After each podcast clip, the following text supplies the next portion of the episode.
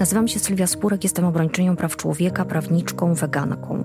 Od lat walczę o prawa kobiet, osób LGBTIQ, z niepełnosprawnościami, osób starszych, tych, których lekceważą politycy i polityczki, system i państwo. Walczę z katastrofą klimatyczną, bo świat płonie. Bronię praw zwierząt, bo nikt nie ma prawa ich wykorzystywać i zabijać. I właśnie o tym jest mój podcast. Prawo spórek. Zapraszam do słuchania.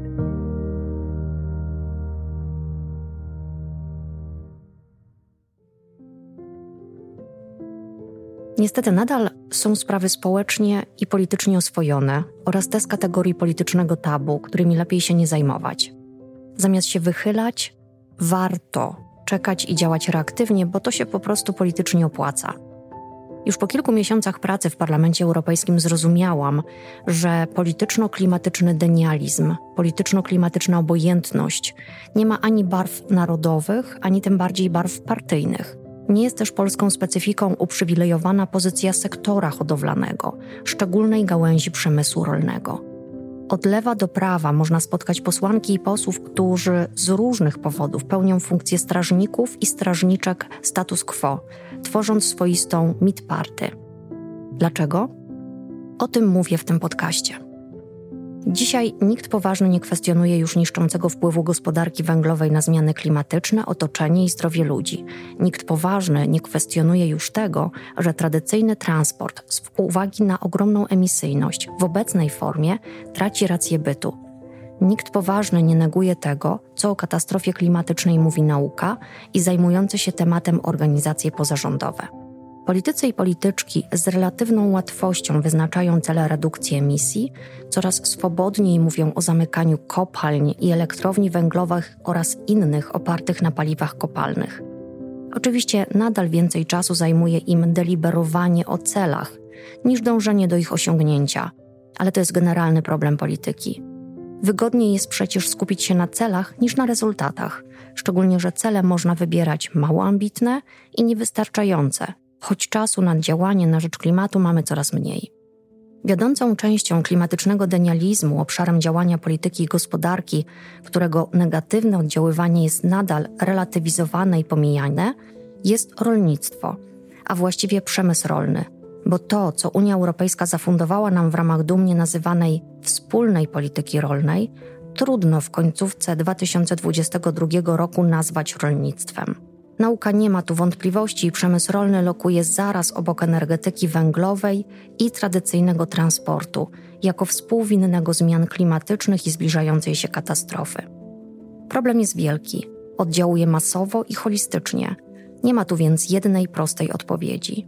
Brak wiedzy, skrajny konserwatyzm, populizm, uwikłanie w interesy i uległość wobec mięsnego i mleczarskiego lobby, a w końcu sprawa najbardziej prozaiczna – strach o kolejną kadencję. Europejscy posłowie i posłanki, komisarze i komisarki należą do jednej z najbardziej uprzywilejowanych grup społecznych i zawodowych, jeżeli nie na świecie, to na pewno w Europie. Dla jednych, i ja staram się do nich zaliczać, to motywacja do działania w poczuciu odpowiedzialności za planetę i przyszłe pokolenia. Dla innych to tylko powód do starań o utrzymanie stanowiska jak najdłużej. Katastrofa klimatyczna, bankructwo systemu żywnościowego, łamanie praw człowieka, niszczenie praworządności, ale i wojna w Ukrainie to rezultaty polityki skoncentrowanej na politycznych i gospodarczych interesach, z pominięciem wartości, praw człowieka, ochrony środowiska naturalnego i praw zwierząt. Świat płonie. Populiści i autokraci mają śmiałość najeżdżać inne kraje, ponieważ polityka jest słaba. Demokracje stały się partyjne, a nie obywatelskie. Kiedy polityka rozumiana jest tylko jako rywalizacja o władzę, nie zaś jako służba publiczna, działanie w interesie wspólnym, budzą się demony, wybuchają kryzysy i wojny. Za około 25 do 30% światowych emisji gazów cieplarnianych odpowiada system żywnościowy, czyli ogół procesów związanych z żywieniem ludzi. To odsetek porównywalny z udziałem sektora energetycznego. Dlaczego stare partie polityczne o tym nie mówią? Dlaczego międzynarodowe, europejskie i krajowe strategie działania na rzecz klimatu obchodzą się z tym systemem wyjątkowo łagodnie. To oczywiście zaledwie fragment problemu. Przemysł rolny to coś więcej niż tylko źródło zmian klimatycznych. Trudno znaleźć inny element polityki, gospodarki, życia społecznego, który w tak dużym stopniu oddziałuje na nasze życie i ma tak istotny wpływ na naszą przyszłość. Trudno dzisiaj znaleźć ważniejszy problem polityczny. Przemysł mięsny, w zależności od szacunków, odpowiada za 2 trzecie do 3 czwartych emisji gazów cieplarnianych pochodzących z systemu żywnościowego. Do przemysłu mięsnego warto przy tym zacząć zaliczać zarówno branżę mięsną sensu stricto, jak i branżę mleczarską oraz jajczarską. Uważam, że te trzy segmenty należy analizować i oceniać łącznie, gdyż specyfika ich działania jest bardzo podobna, a skutki są jednorodne. Emisje gazów, zanieczyszczenie wody i powietrza, destruktywny wpływ na bioróżnorodność i dziką przyrodę, wylesianie, ale również ogromny wpływ na zdrowie i jakość życia ludzi. Każdy i każda z nas może, a może nawet powinien czuć się ofiarą ferm. I to bez względu na to, czy żyjemy wygodnie na Starym Mokotowie w Warszawie, czy w sąsiedztwie ferm, które zamieniają nasze życie w piekło. Bez względu na nasze pochodzenie, płeć, wiek, orientację seksualną i tożsamość płciową w jaki sposób odczuwasz skutki ich działania osobiście. Jeżeli nie jesteś weganinem lub weganką, to co do zasady jesteś skazany lub skazana na masową, tanią, niezdrową i nieetyczną żywność. Pieniądze dają większy wybór i sporo możliwości, ale w czasach, gdy społeczeństwo biednieje, problem żywnościowego ubóstwa i niesprawiedliwości jest coraz poważniejszy. Osoby mniej zamożne narażone są na otyłość o połowę częściej niż osoby o wyższych dochodach. W związku z tym częściej chorują, a paleta chorób związanych z nadmierną konsumpcją produktów mięsnych, nabiałowych i jaj jest bardzo szeroka, z obszernym katalogiem chorób nowotworowych włącznie. O czym dalej? Czasami zastanawiam się, dlaczego partie, które tyle mówią o wolności, państwie opiekuńczym czy prawach pracowniczych, przymykają oko na to, co z naszym życiem robi sektor hodowlany. Co smutne, nawet jeśli jesteś weganinem lub weganką, dokładasz się ze swoich podatków do funkcjonowania tego przemysłu, obficie finansowanego z publicznych środków w formie wsparcia na reklamę, programu Mleko w szkole, środków na uprawę pasz dla zwierząt, wsparcia badań i rozwoju, doświadczeń na zwierzętach, funduszy spójności dla spółek mięsnych czy odszkodowań. Jeśli mieszkasz na wsi, w sąsiedztwie ferm, szczególnie ferm przemysłowych, skazany i skazana jesteś na życie z insektami, odorami, bakteriami i wieloma innymi groźnymi dla Twojego zdrowia i życia i dla zdrowia i życia Twoich bliskich substancjami w powietrzu, glebie czy wodzie. Co ważne, określenie zasięgu sąsiedztwa fermy nie jest proste. Zdefiniowanie zasięgu emisyjności ferm nie jest nawet do końca możliwe. Co z Twoim prawem do dobrego życia, szczęścia, wychowywania dzieci, godnego starzenia się, jeśli od marca do października, czyli przez dwie trzecie roku, w okolicy Twojego domu śmierdzi lub może śmierdzieć tak, że nie pójdziesz na spacer, a nawet nie otworzysz okna? Jak to wpływa na wartość Twoich nieruchomości, działki, domu, rentowność Twoich biznesów lub na plany otworzenia firmy?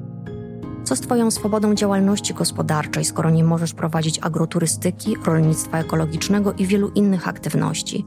Bo sąsiedztwo ferm sprawia, że stają się nierealne, nieatrakcyjne i nierentowne. Masz zagwarantowane przez konstytucję prawo do zdrowia, bezpieczeństwa, życia w czystym środowisku, wolności gospodarczej. Od 2015 roku tyle mówimy w Polsce o konstytucji jak to się ma do życia z fermami w sąsiedztwie. Może warto zacząć mówić, że praworządność i prawa człowieka to również prawo do wolności od ferm, a także do zdrowej, etycznej, zrównoważonej żywności. Sektor hodowlany, ta rosnąca sieć ferm, szczególnie ferm przemysłowych, staje się jednym z największych wyzwań współczesnej polityki.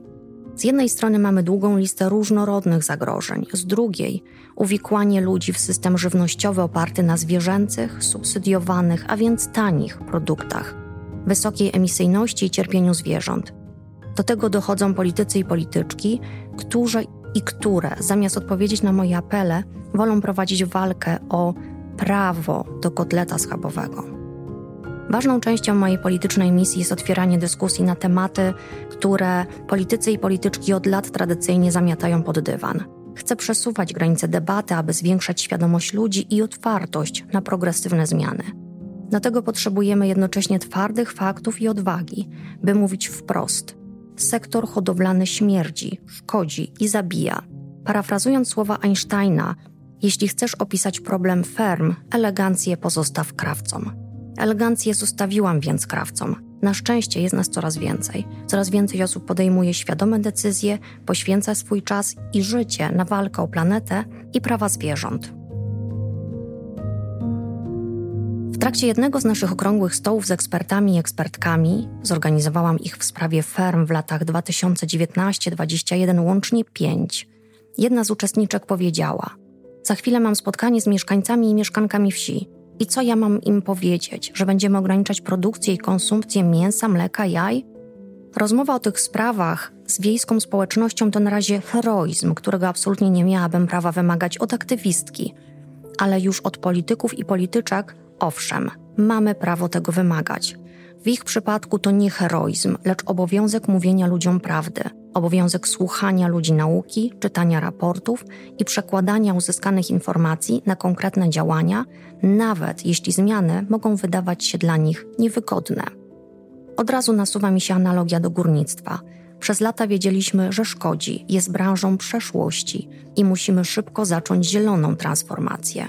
Tymczasem politycy i polityczki, powiedzmy uczciwie od lewa do prawa, woleli stroić się w górnicze mundury i 4 grudnia bujać się z kuflem piwa, udając, że nic się nie dzieje. To trochę jak na Titaniku. Świat tonął, katastrofa klimatyczna się pogłębiała, branża górnicza kurczyła się z każdym rokiem, a polityczno-związkowa orkiestra grała dalej. Mówiono eufemistycznie: spokojnie, nic się nie zmieni, zamiast mówić wprost – Zamykamy kopalnię i za kilka lat nie będzie ani jednej. Jeżeli zrobimy to szybko, koszty będą niższe. Zabrakło wiedzy, odpowiedzialności i odwagi. To samo dzieje się teraz z sektorem hodowlanym. Zamiast, podobnie jak w przypadku kopalni, wyznaczyć datę odejścia od hodowli, próbuje się łagodzić sprawę mówieniem o małych farmach, ekologicznej produkcji, hodowli zwierząt z poszanowaniem ich dobrostanu i humanitarnym zabijaniu, mobilnych rzeźniach to przecież nic innego jak greenwashing, bo mamy wystarczającą wiedzę i twarde argumenty, aby odesłać system oparty na eksploatacji zwierząt w całości do muzeum, by był przestrogą dla innych pokoleń, że to już było i się nie sprawdziło.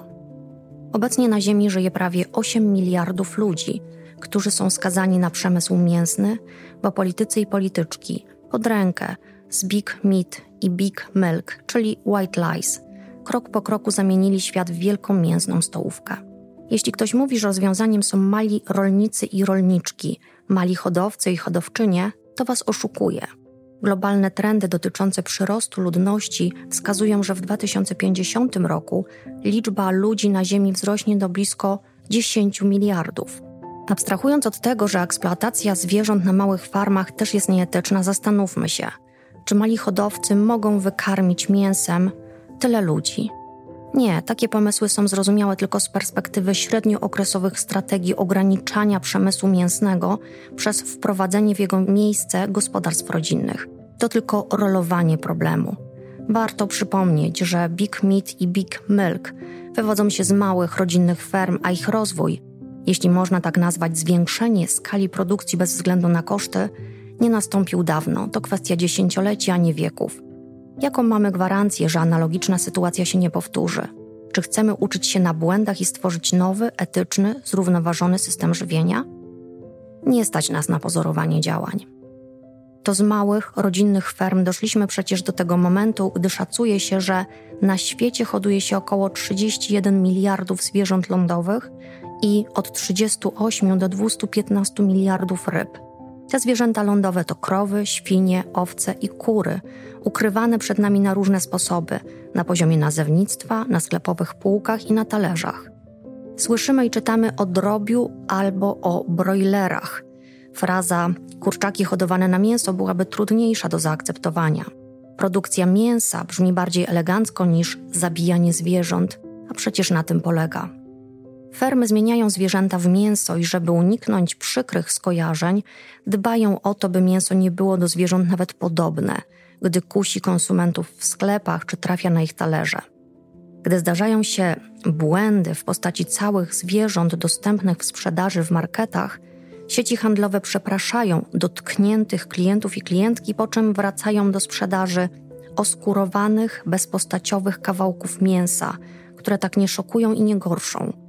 Jako społeczeństwo jesteśmy ofiarami cynicznie prowadzonej od lat dezinformacji, która ma na celu osłabienie empatii i utratę poczucia łączności ze światem zwierząt. Ktoś kiedyś powiedział, że innowacje powstają z twórczego burzenia. Debatę o odchodzeniu od ferm traktujmy właśnie jako twórcze burzenie. Musimy wywrócić ten stolik, aby zakłócić status quo i zacząć masową debatę. Myślę, że społeczeństwo jest coraz bardziej otwarte na zmiany, świadome, że są one niezbędne. Nauka ma nieograniczone możliwości do prowadzenia badań i generowania innowacji. Biznes stoi w blokach startowych do wdrożenia nowych działań, o jakich nam się dzisiaj jeszcze nie śni, a które mogą być rozwiązaniem obecnych problemów. Mamy tylko, a może aż, problem ze współczesną polityką. I to ją musimy zmienić, jeśli naprawdę chcemy ratować świat. Szanowni Państwo, drodzy słuchacze i słuchaczki, więcej o tym, co sektor hodowlany robi z naszym życiem, możecie dowiedzieć się z naszej nowej publikacji pod tytułem Smród, krew i łzy. Włącz myślenie bądź zmianą. Podejmujemy w niej próbę zderzenia się z kosztami działania sektora hodowlanego. Staramy się pokazać jego wielowymiarowe oddziaływania na klimat i środowisko, zdrowie i jakość życia ludzi oraz, co dla mnie ważne, na prawa zwierząt. Mam nadzieję, że nasz raport będzie istotną częścią debaty o likwidacji, czy jak ktoś woli, wygaszaniu ferm hodowlanych i tworzeniu nowego rolnictwa, nowego systemu żywności. Jeżeli chcecie dostać książkę tradycyjną pocztą, napiszcie do mnie na posłanka małpasylwiaspurek.pl. Jeżeli chcecie pobrać e-booka, wystarczy, że wejdziecie na www.sylwiaspurek.pl. Od razu uprzedzam, że to nie będzie miła historia ani łatwy tekst. Smród, krew i łzy, włącz myślenie bądź zmianą to zbiór twardych faktów, liczb i danych, które stoją za sektorem hodowli zwierząt. To oparta na opiniach ludzi nauki opowieść o tym, co w imię tradycji, przyzwyczajeń, biznesu robimy z naszą planetą, w jaki sposób pogłębiamy nierówności społeczne, jak żywe, czujące, myślące zwierzęta sprowadzamy do pozycji maszyn, produktów i surowców. To opowieść o świecie, który zamiast troską, empatią, szacunkiem kieruje się nieodpowiedzialnością, chciwością i przemocą. Nowy, lepszy, zielony świat jest jeszcze bardzo daleko.